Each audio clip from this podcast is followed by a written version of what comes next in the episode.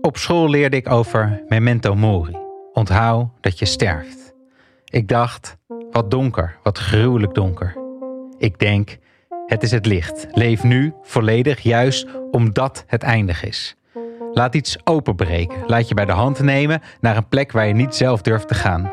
Omdat het eng is, bitter of om een andere reden weerzinwekkend.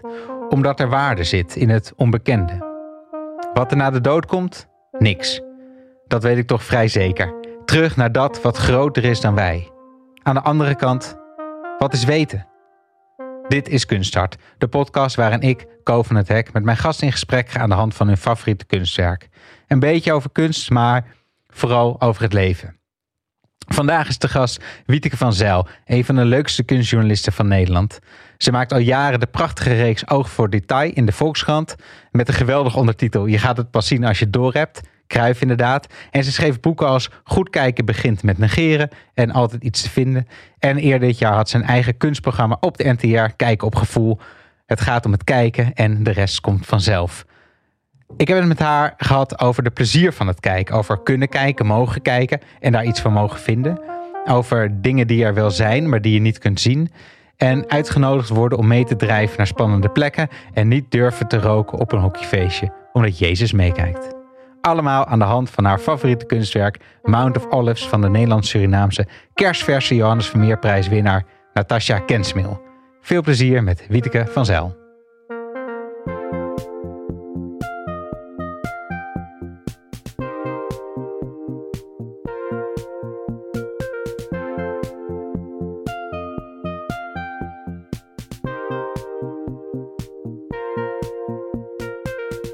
Wieteke van Zijl, leuk dat je er bent.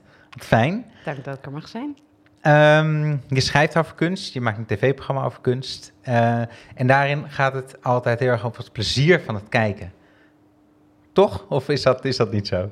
Ja, daar gaat het over, ja. Ja, wat is, wat is er leuk aan kijken? Ja, ik twijfel meteen bij het woord plezier. Want soms oh. is het ook heftig om te kijken. Maar dat is ook een genot om uh, zeg maar door emoties heen te kunnen gaan als je naar een kunstwerk kijkt. Dus ik, ik, we, kunnen de, we kunnen de paraplu-term plezier gebruiken, maar niet omdat het alleen maar lollig en grappig is. Um, wat ik Oh jezus, je vraagt me dus in het algemeen waarom ik kunst kijk. Dat is best... Ja, ja. Probeer eens. Ja, die is lastig. Um, omdat kunstenaars van alle tijden en in alle culturen uh, uitdrukking hebben gegeven aan onze menselijkheid. En in de meest basale vorm, namelijk bijvoorbeeld de emoties die wij hebben. En die zijn over het algemeen hetzelfde.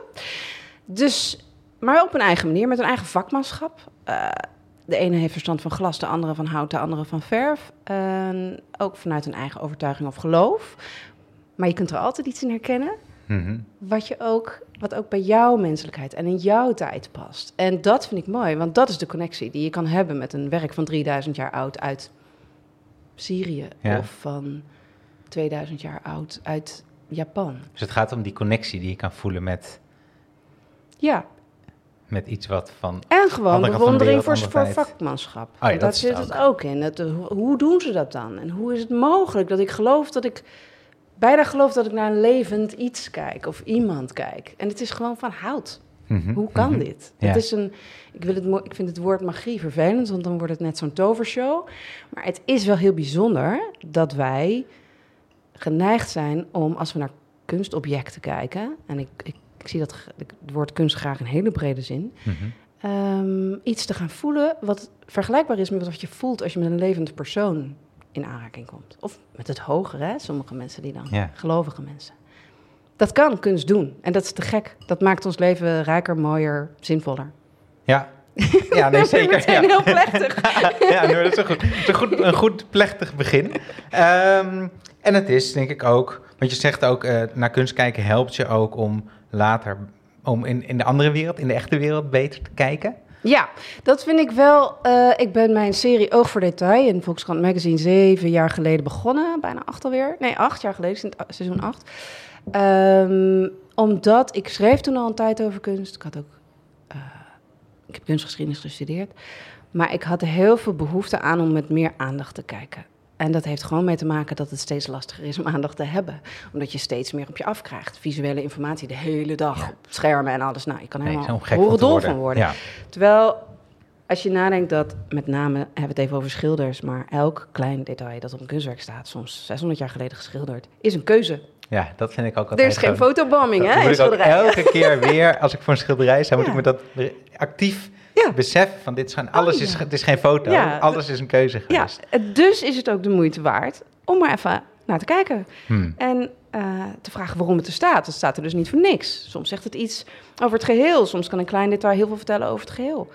En soms uh, helpt het als je uitzoomt en inzoomt. Ja. En dus het is ook een soort uh, vermogen van opmerkzamer worden, wat je kan ontwikkelen als je kunst kijkt. En nou ben ik er niet zo heel erg voor om kunst te zien als iets wat je kan helpen om efficiënter te worden in het gewone leven, meer geld te verdienen, eh, beter te werken. Nee. nee. kunst is gewoon kunst omdat er kunst is, zoals voetbal er is omdat er voetbal is. En, en, en uh, mensen spelen, mensen dansen, mensen eten. Ja. Je kan dat verfijnen door, door, door beter te worden in koken. En zo kan je dat ook verfijnen door meer kunst te kijken. Ehm, maar als je dat doet en je, en, en je neemt er je tijd voor en uh, je leert ook iets over waarom je het ene opmerkt en de ander ziet dat niet. Weet je? Mhm. Dus dat is ook een proces van waarom merk ik iets op wat jij niet opmerkt dan kan je daar heel veel aan hebben buiten het museum. Merk je dat? Ben je in die acht jaar dat je die, die, dat je die serie maakt opmerkzamer geworden? Zie je de details beter dan daarvoor? Nou, de grap is, mijn kinderen zijn nog steeds opmerkzamer dan ik. Ja. Um, kinderen zijn dat namelijk van zichzelf, omdat ze nog niet routineus kijken. Uh, dus die kijken naar alles en dan zien ze gewoon details die jij echt niet ziet. Ja. Uh, als ze in de auto achterin zitten, hebben ze opeens alle verkeersborden geteld en weten ze opeens alle logo's van de auto's uit hun hoofd op een vijfde. Dat komt omdat ze nog niet met taal bezig zijn. Weet je, voor oh, hun zevende is, is de visuele wereld veel belangrijker dan de talige wereld. Dus ze zijn nog een beetje aan het leren praten, maar ze zijn vooral nog niet aan het, aan het eh, lezen. Mhm. Dus als je naar een museum, wij zijn helemaal gericht op taal. Dus als jij naar een museum gaat, dan wil je eerst weten wat je ziet. Je wil een soort bevestiging in mhm. taal. Mhm. Van wat je ziet. Dus hup, ga je naar het tekstbordje en dan eh, zie je ja, kunstenaarsnaam en de titel. Ja, maar is ook logisch, want je wil houvast. Want je, terwijl dat, dit, dat niet weten is juist het interessant. Ja, dat, dat je dat zelf gaat afvragen.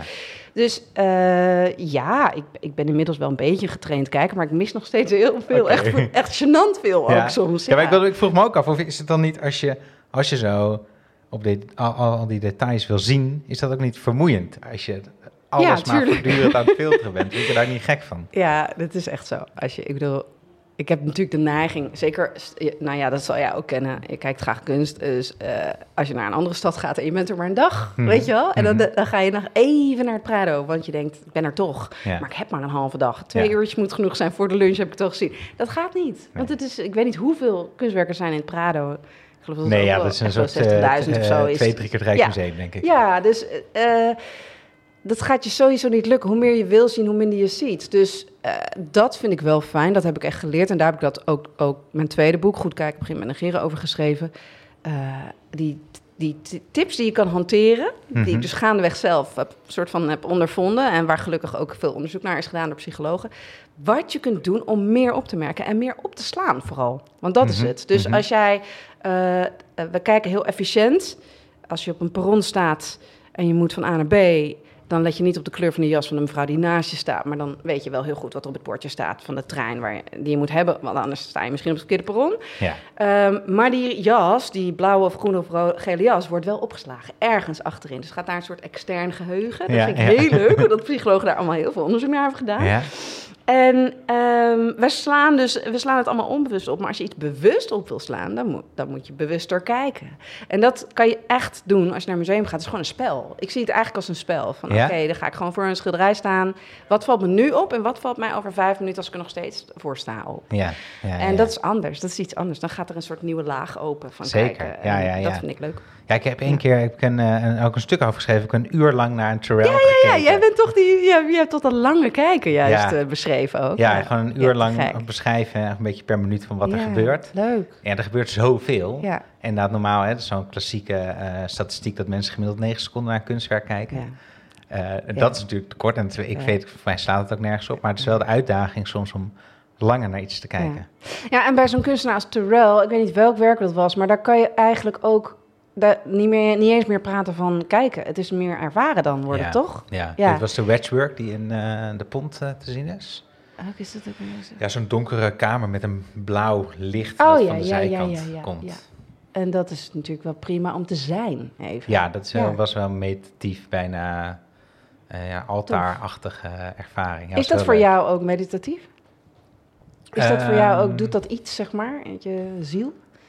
Ja, ik denk wel. Ik denk als je jezelf dwingt om langer naar iets te kijken, om gewoon ergens bij stil te staan. Mhm. Dat is het misschien meer. Ik denk dat we in het, in ik in mijn leven, het is, je bent het is heel makkelijk om van hot naar her te gaan en van afspraak naar afspraak en door en door en door en eten achter je scherm en, uh, en gewoon altijd maar in beweging zijn. Terwijl als je even stil staat, mhm. dan ja, dan realiseer je wat je wie je bent, wat je aan het doen bent. En, en, en kan, je, kan je iets anders zien. En kan het zijn. nee, totaal, totaal. Maar dan kan je wel iets. Um, het kunstwerk kan wel reflecteert, kan wel iets op je reflecteren van jezelf. Ja. Als je begrijpt wat ik bedoel. Je kunt jezelf tegenkomen. Ja. en dat vind ik wel. Uh, dus dat vind ik heel fijn aan een museum. Is dat je. Ja, het is een soort ja, meditatieve plek waar de wereld even, de buitenwereld even niet bestaat. Jij ziet het echt als een plek om naartoe te gaan.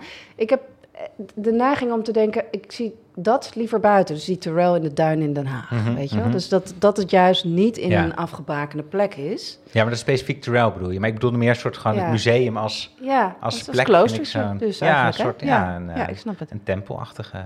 Oh ja? ja? Oh ja, daar, probeer ik wel weg te blijven. Maar ik snap, ik snap wat je bedoelt. Ja, nee, maar ik, ik, ik vind ook, ik vind het woord tempo, ik zeg het ook een beetje... Ja, dan maken we die kunst veel te heilig. Dat is helemaal niet... Ja, is, dat, is, is, niet heilig?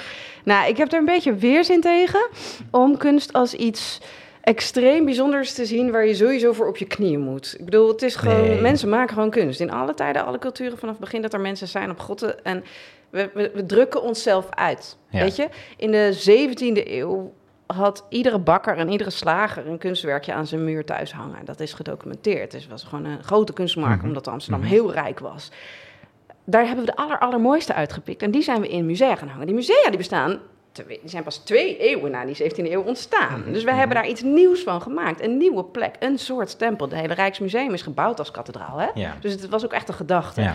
En daarmee hebben we het bijzondere eruit gepikt. Uh, en daarmee misken je eigenlijk dat kunst gewoon een rol speelde in het leven van iedereen. Mhm, en dat vind ik zonde, want ik denk dat je dat terugziet in hoe mensen nu met kunst omgaan. Ah, interessant. Zo ontzettend veel mensen denken of zeggen ze ook hardop: Oh, maar ik weet er niet zoveel van hoor. Ja, en dan heb je het over CEO's, advocaten, rechters, uh, wetenschappers. Ik hoor ze, hè? Ja, nee, maar dit is ook waarom wij deze podcast maken. Maar ik weet er niet zoveel van hoor. Ja. Terwijl ik denk, dude, je kan kijken en je mag kijken. En dat, maar, het, maar ik vind daarin, dus dat, daar kan je heel veel theorie over bedenken van waarom, dat, waarom kunst zo apart is gezet van de samenleving. Deels is dat omdat het in musea is geplaatst, denk ik. Deels is het omdat volgens mij kunsthistorici het te veel als een eigen speelveldje zijn gaan mhm, zien, mm onderling speelveldje. Ja, dat herken ik wel. Um, en deels is het ook omdat de samenleving heel weinig makerschap stimuleert. En dan heb ik het van makerschap van ja. loodgieters en timmermannen tot kunstenaarschap. Ja, ja, ja. Dus daar, daar, kunnen we een andere podcast over Ja, daar gaan we het, gaan we het een keer over hebben.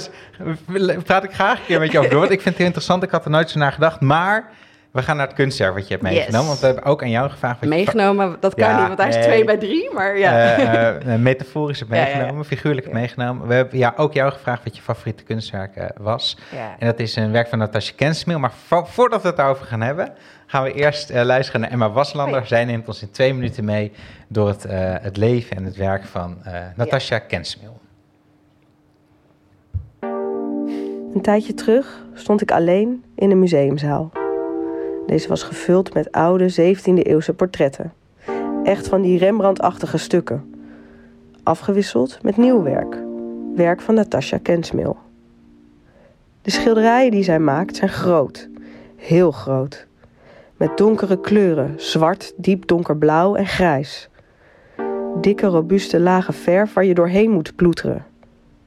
En toch zie je ontelbaar kleine, verfijnde details, vaak met wat lichtere kleuren omhoog gehaald. Als ik haar werken bekijk, dan voel ik dat iets me bekruipt. Door de duistere afbeeldingen, spookachtige gezichten en de soms krasserige en druipende manier van schilderen maken me alert. Dit werk vertelt me iets. Want ik herken de houdingen en de composities. Ik herken ze van 17e-eeuwse portretten van regenten en stadhouders, die met trots hun positie en nalatenschap uitdrukken. Maar door de ogen van Kensmil zie ik deze figuren als het ware door de upside down zakken en tonen ze me hun ware gezichten. Gezichten van gewelddadige en machtsbeluste onderdrukkers die zich rijk maakten door uitbuiting, slavernij en plundering. Ze is gefascineerd door de geschiedenis en daar kan je duidelijk niet omheen als je naar haar schilderijen kijkt. Natasja Kensmil is een Nederlands kunstschilder van Surinaamse afkomst, geboren in 1973. Ze volgde de Gerrit Rietveld Academie, won veel prijzen en was haar werk wereldwijd te zien. Ze woont en werkt in Amsterdam. Goed ja. gezegd. Hm? Goed gezegd. Fijn, fijn. Ja, nee, we zijn, ja, is mooi. Ja. we zijn altijd heel blij met Emma's stukjes. Ja. Ehm, ik ben ook straks benieuwd uh, waarom dit kunstwerk van haar, Mountain of Olives, mm jou zo raakt. Maar laten we eerst het beschrijven voor de mensen die nu aan het luisteren zijn, het niet kunnen zien. Hoe ziet het kunstwerk eruit? Het, is heel goed om, het is goed om even terug te gaan naar Emma, want zij beschreef een hele andere serie. Ja. Waar we misschien straks ook nog over hebben. Uh, dat was een serie van Hollandse regentenportretten waar zij op reageert, zeg maar. Mm -hmm. dit is een heel ander werk, een ouder werk. Ja, 2015? Uh, ja, de, dit is 2015. Het is heel groot. Het is een schilderij met haar beperkte palet. Dus ze is op een gegeven moment, dat kan je in de tentoonstelling in Amersfoort, die er nu in Kunstalkade is, goed zien. Omdat je haar hele ontwikkeling daar ziet. Op een gegeven moment is ze zowel haar verfstijl gaan beperken beperken of veranderen. Als haar palet gaan beperken, radicaal gaan beperken. Mhm, dus wat Emma mhm. al zei, het zijn donkere kleuren, maar afgewisseld met hele lichte tinten. Ja, het is um, bijna zwart-wit achter boven. Ja, nou, dat is wel lastig, want je moet er echt... Ja, je denkt zwart-wit, en zeker als wij hier op scherm kijken... en ook zelfs als we hier op het plaatje... Maar als je ervoor staat, zie je, zie je zit zoveel kleur in. Dat, dat ga je zien. Ja, weet je? ja, ja. Um, ze werkt ook heel schraperig. Dus het zijn niet zulke dikke lagen zoals bijvoorbeeld Raquel van Haver. En dat, dat deed Natasja wel aan het begin van haar carrière. Want mm die, die, die echte dikte van de verf laten spreken.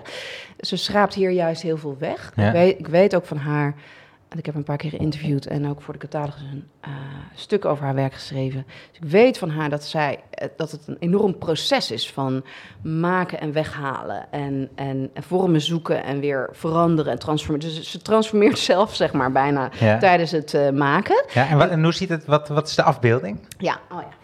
Um, we zien een heel groot schilderij met een soort uh, eierlijst eromheen. Die lijkt op een klassieke uh, uh, Romeinse lijst.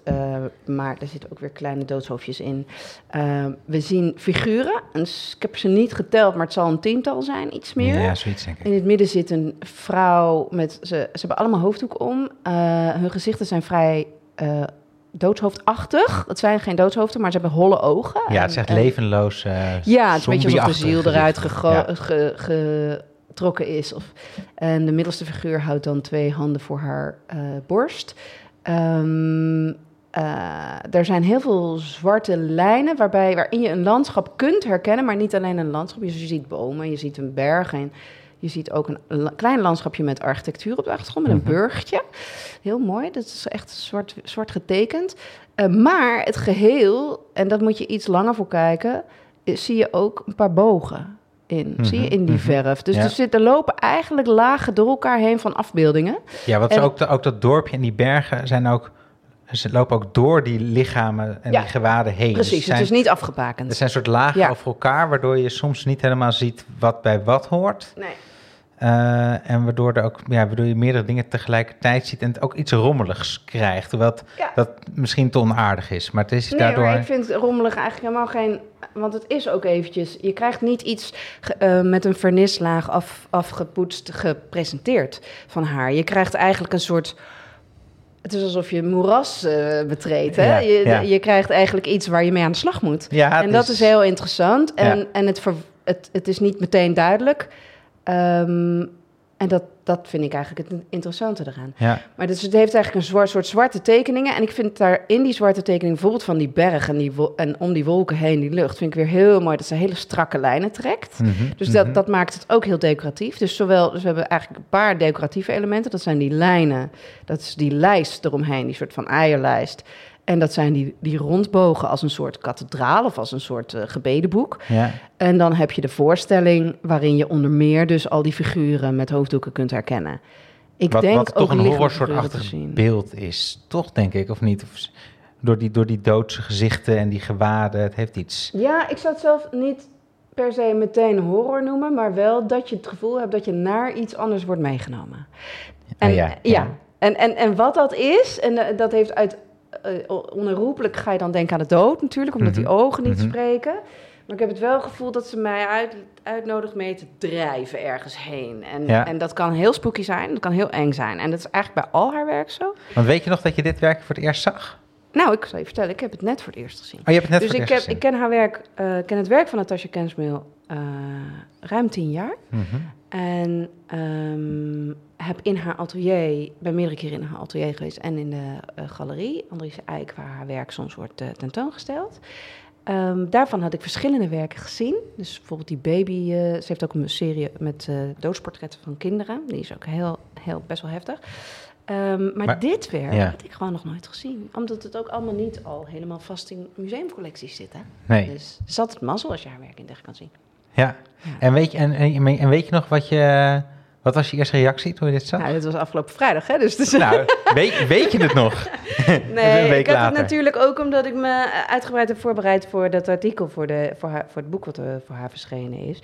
Had ik het natuurlijk wel, kende ik het vrij goed van, uh, van uh, online zien. Maar als er ergens, als er één kunstenaar is, wiens werk een ongelooflijk verschil is tussen in het echt zien hmm. en in boekvorm of online, dan is het wel, wel het werk van Natasha Kensman. Ja, dus we, we, we, hebben het, we hebben het net omschreven en we zullen ook in de show notes een linkje doen naar een afbeelding van het werk, dat je het op je scherm kan zien. Ja, je mag maar het even zien. Ja, zie het als een promise, weet je wel? Ja, maar in het echt is het, is, het, is het echt iets anders. Totaal. Ja. ja. En, um, maar wat, uh, of, uh, oké, maar... Mm, wat was dan, toen je, weet je nog, voor je het eerst, dat je voor het eerst werk van haar zag? Ja. Ik ben op zoek naar wat, het voor jou, wat, het, wat voor reactie het bij jou, bij jou teweeg bracht. Nou, het allereerste werk waren de doodsportretjes van kinderen. Die vond ik heel aangrijpend. Uh, ik had toen net zelf ook een kindje, dus dan, dan kijk je toch weer net een beetje anders misschien. En uh, eigenlijk het hele feit dat er doodsportretten bestonden in de Victoriaanse tijd, waar zij dat dus een beetje op inspireerde. Mm um, dus dat greep me heel erg aan, dat iemand zo, zo durft door dat ongemak heen te gaan, door al die dingen waar we zo bang voor zijn. Um, namelijk de dood, of de dood van een kind. Of, um, dat was het eerste, dat was tien jaar geleden. En toen kwam die regentenserie, die, uh, um, die je nu nog kan zien in Amsterdam, in de Hermitage trouwens. Daar, daar hangen ze die mhm. portretten, naast de 17e eeuwse portretten, wat Emma zei. Die is vrij duidelijk in die zin dat het, heel, dat het gaat over de Hollandse geschiedenis en onze verhouding tot de Hollandse geschiedenis. Dus mhm. daar is zij wat het is niet uitgesproken, maar ze is wel. Ze, ze pakt die thematiek. Dus ze, ze, de bewondering voor die schilders, die ze altijd heeft gehad. Mhm. En tegelijkertijd, maar wat moet je ermee met die rijkdom? En hoe verhoud ik me daartoe? Um, en wat is de andere kant ervan? Ja. Um, en dat... Maar dat is, allemaal, dat is allemaal theorie. Ik ben benieuwd naar wat, is het, wat deed, wat deed voor jou? Ja. Nou, ik heb natuurlijk Geef me wat emotie. deze gekozen, hè, Co. Het is Kijk, ik heb hem gekozen enerzijds omdat ik niet een voor de hand liggend werk van Natasha wilde kiezen. Maar anderzijds omdat dit is ook een religieus werk. Mm En um, de, zeg maar het, het je verhouden tot religie is voor ieder persoon op een eigen manier. Sommige mensen zeggen gewoon radicaal, er is helemaal niks prima. Maar, hè, maar die hebben dan weer andere vragen. Um, voor mij is religie in, in, mijn, in, mijn, in mijn jeugd op een gegeven moment wel vanzelfsprekend geweest. Ben ik ook weer van afgestapt dat niet helemaal. Ik voel mezelf nog steeds gelovig, niet kerkelijk. Ja. Um, en hier zit eigenlijk heel erg in die... Het heet Mount of Olives, hè, dus mm Olijfberg. De Olijfberg is een echte berg bij Jeruzalem... wat heel betekenisvol is in het, Joodse, in het Jodendom en in uh, het christelijk geloof... omdat Jezus daar onder andere vanaf daar naar de hemel is gevaren... maar ook de, de Judaskus, dus het verraad. En toen hij verdrietig was, en dat vind ik een van de mooiste en heftigste scènes... in het hele Nieuwe Testament is het moment dat hij wist dat hij moest sterven. En dat hij wist dat hij verraden was door zijn eigen vrienden. En dat hij tegen zijn vrienden zei: Blijf bij me, want ik voel me zo alleen. En dat ze, ah, ik vind het echt zo heftig. Dat ze allemaal in slaap vielen. En dat is hmm. die avond in die tuin van Gethsemane. Dat is ook hier bij de Olijfberg. Dus dat, dat raakt me heel erg. Omdat eigenlijk het hele verhaal van Jezus... en daar kan je gelovig voor zijn of niet, maakt niet uit... is een verhaal over menselijkheid en omgaan met elkaar. Omgaan met jezelf, omgaan met het leven. Um, dus dat vindt allemaal plaats op die Olijfberg. En dan heb je dus al die figuren hier, wat ik niet wist. Dus ik dacht, wat doen die figuren daar nou? Wat heeft Natasja nou gedaan? Want ik weet van haar praktijk dat ze in haar atelier uh, heel veel plaatjes verzameld. En dat stapelt zich op tot een beeld, zoals herinneringen zich opstapelen tot een beeld. En dan komt er dit werk uit. Dus ik dacht, waarom staan die vrouwen er nou op? Want ik kan me geen verhaal herinneren. Ik weet natuurlijk lang niet alles uit het Jodendom nee, maar ook, maar met vrouwen. Dus ik heb er gebeld vanochtend. Ik zei, heb jij nog iets te zeggen over dit werk, wat ik niet moet vergeten? En ik zei, waarom staan er vrouwen op? Ze zei, nee, het is gewoon Jezus en apostelen, maar het zijn vrouwen geworden. Ja, en toen zei ik, waarom? Ah, ja, kan, weet ik niet, kan ik ook niks aan doen. Het gebeurde zo. Dus hmm. dat, is heel interessant om te omschrijven, dat je zo'n proces ook, dat je dat niet misschien in woorden kan vatten. Maar dit is een onderdeel van het proces van het maken geweest. Dat zij die Olijfberg wilde schilderen, met de hele gewicht van het verraad van Jezus, wat hier dus gebeurt. Hè? Want ze, de, zij wordt gekust, die persoon. Ehm, eh, en die eenzaamheid daarna. En natuurlijk dat ze een hemel stijgen. Maar dat dus die figuren in haar werkproces van gender veranderd zijn. Dat vind ik super ja, is interessant. Ik had, dat, ik, had dat niet zo, ik had ze niet zo gezien als vrouwen, geloof ik. Ik had wel gedacht, dit zijn ongeveer 13 mensen. Dus misschien is het wel mm, Jezus en apostelen. Maar het is ook omdat het Olijfberg uh, als titel heeft. Ja, maar mannen hebben niet zulke hoofddoeken, toch? Mm, nee. Ja, nou, misschien komt het ja, omdat ik naar een plaatje naar heb gekeken. Het is ook interessant dat iedereen er dan weer zijn eigen ding... want het is heel erg bij haar werk uh, dat, dat, dat je er veel uit kan halen natuurlijk. En er wordt er veel ingeleid. Het is een bewegend... Ik vind, ik vind het eigenlijk krachtenvelden, haar kunstwerken, haar schilderijen. Omdat je voelt dat er iets gebeurt waar je wat mee moet. En dat, wat je er nu in ziet, ga je, gaat iets anders zijn dan wat je erin ziet. En wat, wat, als jij, jij hebt het nu vrijdag gezien, wat moet je ermee? Wat heeft het jou verteld? Daar heb ik geen pasklaar antwoord op. Wat het mij verteld heeft, is dat zij ook. Uh, ja, dat vind ik te lastig. Het is gewoon. Wat, ik er mooi aan vind, is dat het ook heel erg een beroep doet op hoe wij met religie zijn omgegaan in de, in, in de geschiedenis. En dat pelt het ook weer af. Ze pelt eigenlijk altijd af. Ze mm pelt ons mhm. idee van de geschiedenis. En je blijft zo in die theorie. Ik ben zo op zoek naar, naar wat het voor jou, wat het werk voor jou betekent. Nou, ik schoot net bijna vol, dus daar had je even Ja, dat is waar. Ja, shit. maar um, Nee, ja, ik, ja, kijk, ik kan wel zeggen dat het raakt me inderdaad heel erg. En dat is deels omdat ik natuurlijk raakt aan mijn eigen geschiedenis van hoe je omgaat met of er iets is of niet na de dood. En mhm. angst en voor de dood. En zij gaat het aan. En dat vind ik goed. Zij gaat gewoon. Ben je bang voor de dood? Nou, wie niet? Nee, ja, ik. Nee, ja. Uh, nee, ja, tuurlijk. Maar, uh, oh ja, oké dan. En, maar is er maar leven na de dood? in hoor. Daar zit het niet in. Het zit hem inderdaad meer in, denk ik, deels. Uh, kijk, Natasja is, voor zover ik weet, ook niet van één geloof. Maar ze is wel heel erg opgegroeid. Kijk, zij is Surinaams opgegroeid. Dus zij is opgegroeid, wat, wat, wat voor veel Surinaamse mensen en vanzelfsprekendheid is dat er een soort bezieling in verhalen zit, in bezieling in dingen, in de natuur. In, overal kan iets achter zitten wat iets betekent voor het, hè, wat jou een teken geeft van, mm van, van, mhm. van, iemand die is overleden. Of het jou in contact brengt met, met iets hogers. Dat is totaal niet vanzelfsprekend in, in mijn in wereld. In onze, ja, en toch als je gaat vragen aan mensen, weet je, ze, mensen zijn gewend om dat, dat soort gedachten en angsten voor zich te houden in het normale functionele leven. Maar de meeste mensen hebben wel iets van gedachten over mm geestelijkheid en, en, en een verhouding tot iets groters. Uh, op persoonlijk vlak um, vind ik dat nog steeds heel ingewikkeld. Ja, maar het is ook niet een probleem of zo. Maar ik, ik durf niet met volle, volle vertrouwen van een gelovige te zeggen: Oh, nou, mijn overleden oma ga ik nog een keer zien. Weet je, dat heb ik niet. Dat vertrouwen van een gelovige heb ik niet. Maar ik heb ook absoluut niet het gevoel dat er niks is. Dus hmm. uh, dat, er, dat er zeg maar meer zou kunnen zijn. En dit is ook heel erg de beeldtaal van dat geloof. Dus je wordt mm opgevoed, mm dat vind ik interessant. Je, je, je, je groeit op met een, als je gelovig bent, met een bepaalde beeldtaal. Je leert dus je leert deuntjes herkennen, je leert beelden herkennen.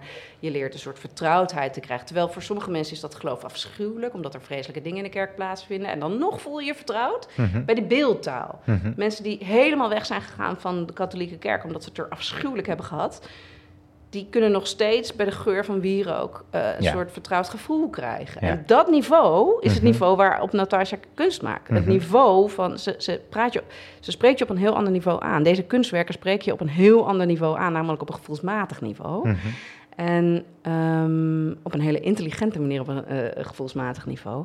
Door die beelden te mixen. En het feit, toen ik hoorde dat zij dus inderdaad die gender van Jezus en de apostelen tot vrouw had gemaakt, dat vind ik te gek. Want dat, daarmee laat je voor het eerst zien van dit, en meer zien van dit verhaal geldt voor iedereen. Weet je, ja. over grenzen van gender heen. Dus daarmee werd het voor mij wel persoonlijk. Ja. ik ben zo persoonlijk als wat nu hoor. Maar. Nee, nee, ik zie het, ik zie het, hè. ik hoor het ook. Uh, maar is het dan... Um, ja, je zei het al, ik weet, ik weet niet zo goed wat er is na de dood. Wat vind jij zelf? Ben je gelovig opgevoed? Nee, ik ben niet gelovig opgevoed. Ik ben opgevoed door mensen die van hun geloof zijn gevallen. Tenminste, mijn vader was gelovig gevallen. Mijn moeder is uh, ook atheïstisch opgevoed. Ja.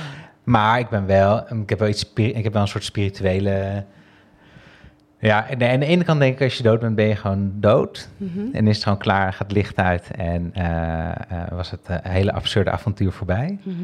Eh, aan de andere kant, ja, je weet het niet. Ja, ja, dat dus ik weet, ik weet het vrij zeker, maar je weet het, je weet het niet. Ja, ja, Maar het is dus niet zo dat je ook die beeldtaal mee hebt gekregen en die verhalen. Dus dat je, je bent gewend om die verhalen te relateren. Want dat is dus als je opgroeit nou, in de kerk, ja. dan leer je die verhalen constant aan je eigen leven te relateren. Ja. Hè? Dus, uh, en dat kan soms heel onderdrukkend en naar zijn. Het, het idee van dat er een alziende God is, is ook heel eng voor, als kind. Mm Want je durft niks meer. Je durft niks te denken, want ik leerde dat God alles wist en alles zag en alles, weet je wel? Dus je staat op de dansvloer op een hockeyfeestje en je denkt, zal ik een sigaretje pakken? En ik dacht, oh fuck, maar, maar Jezus kijkt mee, weet je wel? Dus dat, is dit echt, dit is echt wat jij dacht? Dit ja. dit is echt. Maar, en ook gewoon gedachten die je hebt. Uh, nou, is dat voor mij, ben ik een vredelijk, uh, nou ja, de, gemeenschap waar, ik, waar mijn ouders naartoe gingen, is een, uh, een behoorlijk oké okay, kerk, zeg maar. Met vriendelijke mensen die goed voor elkaar zorgen. Een mhm. hele mooie kant van echt voor, voor elkaar zorgen. Maar er zijn talloze mensen opgegroeid met veel meer angst en veel mhm. meer repressie in dat. En dat is ook wel iets, het idee dat er gewoon constant iets kan zijn wat je niet ziet, maar wat er wel is, dat voel je ook in haar werk. Ja. Dus Er, er kan iets door die lagen heen.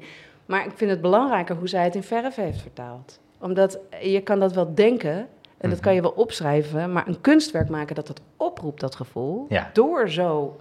Dat heeft te maken met het beperkt palet, dat heeft te maken met hoe ze schraapt, dat heeft te maken met het proces waarin ze opbouwt en afwa weghaalt. Dat voel je als je kijkt. Dus dat klinkt heel technisch, maar het is heel persoonlijk. Mhm. Er wordt geen gepolijst ding aan mij gegeven. Er wordt iets overhandigd alsof ze me een hand wil geven en mee wil nemen, weet je wel. Ehm, en dat maakt dit kunstwerk heel levend. Ja. Ook al gaat het over de dood. Dus ja. Mhm. Ja, mooi. Mooi, ja, het is levend wat over dood gaat. Ja, maar dat zit ook wel in haar werk, toch? Dat, dat, die leven en die dood, bedoel, wij ervaren dat in ieder geval onze christelijke, joods-christelijke cultuur, mhm. als twee aparte werelden. Ja. Terwijl dat misschien wat je ook zegt in het Surinaamse, moet ik oppassen wat ik zeg, want ik weet er niet zoveel vanaf, maar dat het, dat het veel meer door, dat dat veel meer dus door elkaar heen loopt maar het is denk ik ook het, mooie van beeldende kunst is dat het dwars door geloven en culturen heen dingen kan aanreiken waar je wat mee kunt. Weet je wel? Uh, uh, het idee. Um, uh, dat, dat, om het maar even te zeggen, Surinaamse idee van dat er bezieling in de bomen en de, en de dingen kan mm zitten. Dat, dat, dat gevoel, wat ook angstig is, wat vre eigenlijk vrees. Het is een soort ontzag gecombineerd met angst. Het is een soort vrees ten opzichte van iets wat je niet helemaal begrijpt. Mhm. Maar wat, je ook, wat ook groter kan zijn dan jij, dan jij. Wat je mee kan sleuren, dat, moeras, dat moeras in. Hè? Dat uh, vind ik heel mooi. Dat voel ik eigenlijk altijd in haar werk in hmm. al haar werken.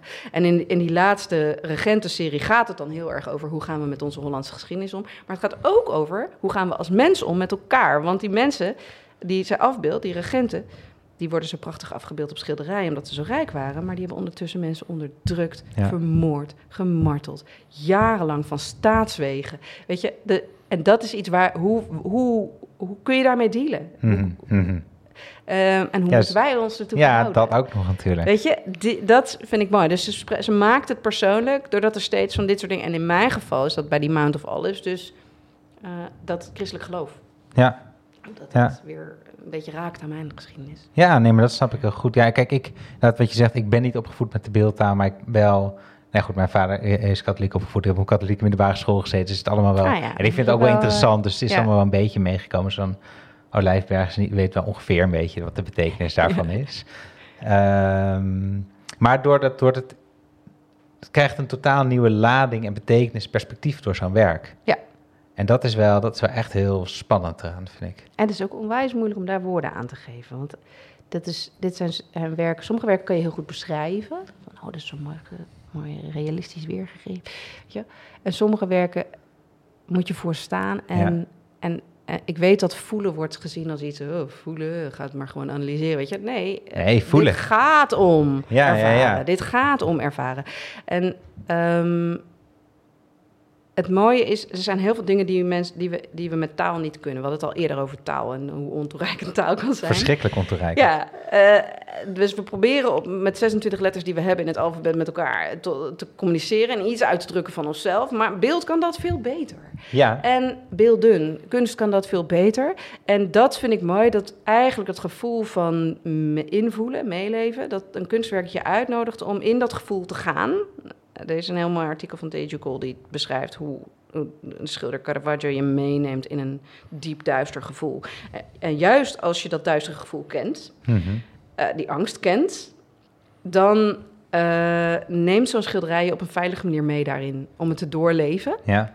En er weer uit te kunnen komen op een andere manier. Dus die schilderijen kunnen eigenlijk heel gewelddadig zijn. Ik heb een filosoof gesproken voor mijn programma die het schilderijen van Natasha Kensmil gewelddadig noemde. Mhm. Omdat het iets openbreekt in je. Het breekt iets wat je eigenlijk wil beschermen van jezelf, namelijk angst of namelijk... Een, iets wat je zorgvuldig hebt weggestopt. Ja, of een identiteit die je, die wenst te bewaken, namelijk wij waren goede Hollanders, bijvoorbeeld. Dat breekt het open en af. En, en door dat open... Nee, je bent ook filosoof, toch? Mhm. Dus dat... dat dus dat dat openbreken van iets in je, dat is een ervaring. Ja. En ik doe nu heel stamelend, uh, struikelend, een poging om daar woorden aan te geven.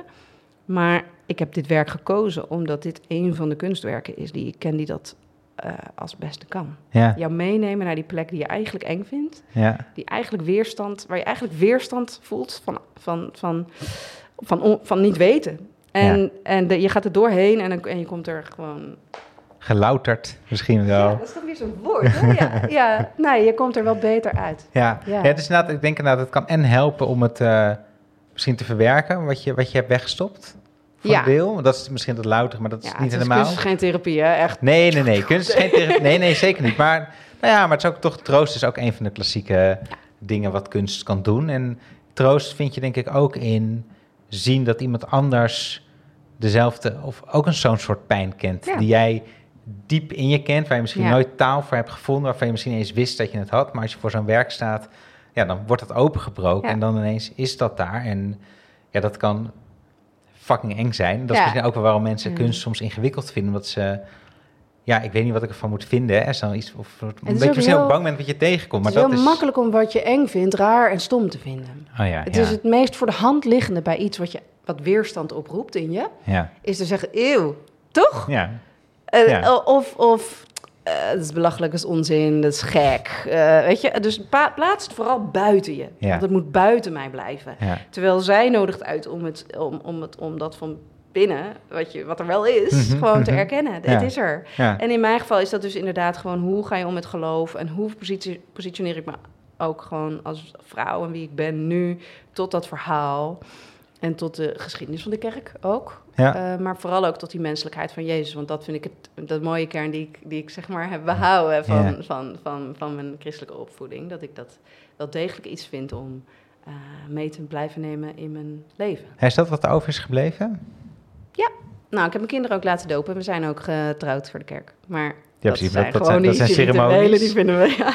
Hebben dat afgevinkt, weet je ja, zekerheid voor de, voor de hemel, dat ze de hemel ja. ja, maar um, ja, ja, ja, ik denk, ik heb ook wel tegen de kinderen gezegd van, als we heel af en toe bidden we wel eens voor het eten. En dan, en dat is ook, je hoeft niet te geloven, maar het feit dat je even stilstaat, we hadden het net over mediteren, stilstaan bij dingen, even de rush stopt en denkt, fijn dat er eten is fijn dat het gezond is, fijn dat ik het kon betalen, fijn dat ik hier zit. Uh, en, en, ik hoop dat er mensen die dat nu niet hebben, dat die dat wel meer kunnen krijgen. Dus je verbinden aan. Dat is wat, gewoon wat geloof doet. Hmm. Weet je, heb je naast lief als jezelf en God boven alles. En dat God boven alles, dat is het idee van erken dat er iets groter is dan jij. Ja. Je bent niet het middelpunt. We zijn hier met z'n allen en we snappen heel veel niet. en, uh, en we kunnen maar beter een beetje lief zijn voor elkaar. En ja. voor onszelf. Ja, ja, ja. Ja, dus dat, daarom ben ik nog best wel religieus eigenlijk. En ik vind nou, dat niet zo erg hoor. Ik bedoel, het wordt zo... Nou, het is, het is vanuit... Het is, Ja, ik weet niet. Is het religieus? Ik vind het wel ook heel aards eigenlijk om er zo in te staan. Het is... Ja, ik bedoel, nee, maar kijk, als je, je kan ook zeggen, weet ik veel, uh, uh, er zijn dingen groter dan jij. Je kan ook, kan ook gewoon de, het universum, de sterren zijn, ja. de bergen, de oceaan, allemaal dingen die je kunnen vermorzelen als ze even zin hebben om dat te doen. Ja, ja. En die willekeur, dat is ook wel grappig. Dat is, dat is ook weer aan kunst te verbinden. Dat, dat, dat, je, dat je je verhoudt tot het onbekende. Dat je bereid bent je te verhouden tot het onbekende. Ja. Tot het grotere, tot iets wat potentieel jou kan vermorzelen. Want het is nou helemaal zo, want er kan morgen een steen op mijn hoofd vallen. Mhm. Dus dat, en dat vind ik we zijn de hele dag bezig om alles te controleren en te beheersen. En, en in de, weet je, en we, voor je het weet heb je een soort beeld van alsof jij je eigen lichaam helemaal zelf vorm kan geven. En je eigen gezondheid, ja, dag. Ja. Weet je, uh, dus uh, kunst nodig je voortdurend uit om je te verhouden tot nieuwe dingen. Ja. En alleen dat al is een hele goede oefening. Omdat je leven lang zal je te maken hebben met dingen die je niet snapt. En die, waar je toch toe moet verhouden. Ja. Vind ik een mooie laatste woorden. Tenminste, van dit gesprek in ieder geval. ik, ik hoop dat die steen niet op je valt morgen. Nee. Uh, Dank je wel dat je hier wilde zijn. Ja, nee, ik ben er een goede bij vandaag. Dank je. Mount of Olives van Natasja Kensmeel te zien in haar solo-tentoonstelling A Poison Tree in de Kunstalkade in Amersfoort. Het werk dat Emma in haar stukje beschrijft, de monumenten de Regentes, is te zien in de Amsterdam Museumvleugel van de Hermitage, ook in Amsterdam. Gaat dat zien. Dit was Kunststart. Vond je dit nou een mooi gesprek? Volg ons dan in je podcast-app om geen aflevering te missen. En als je ons wil helpen, laat in iTunes of Apple Podcasts een lieve recensie achter. Dat is goed voor het algoritme en dan kunnen nog meer mensen ons vinden en naar ons luisteren. Verspreid de liefde dus. En verder, volg ons op Instagram, het Kunsthart Podcast voor nog meer kunst in je feed. En als je fan bent van Kunsthart, kun je ook vriend van de show worden. Voor maar 2,50 per maand steun je ons en krijg je er heel veel liefde voor terug. Deze podcast werd gemaakt door mij, Ko van het Hek, samen met redacteur, producer en VAR Julius van het Hek in samenwerking met Dag en Nacht Media en Tabernacle. Emma's Emma Waslander. De muziek is van Ed Bahoni en het artwork door Joey Andela. En dank natuurlijk aan Wieteke voor het inspirerende gesprek. En Natasja Kensmeel ook hartelijk dank voor het intrigerende werk. En jij, lieve luisteraar, ook bedankt voor het luisteren. Tot volgende week. Wie dan te gast is, dat is nog een verrassing voor jullie. En eerlijk gezegd voor mij ook nog wel een beetje. Maar we zullen er zijn. Tot dan.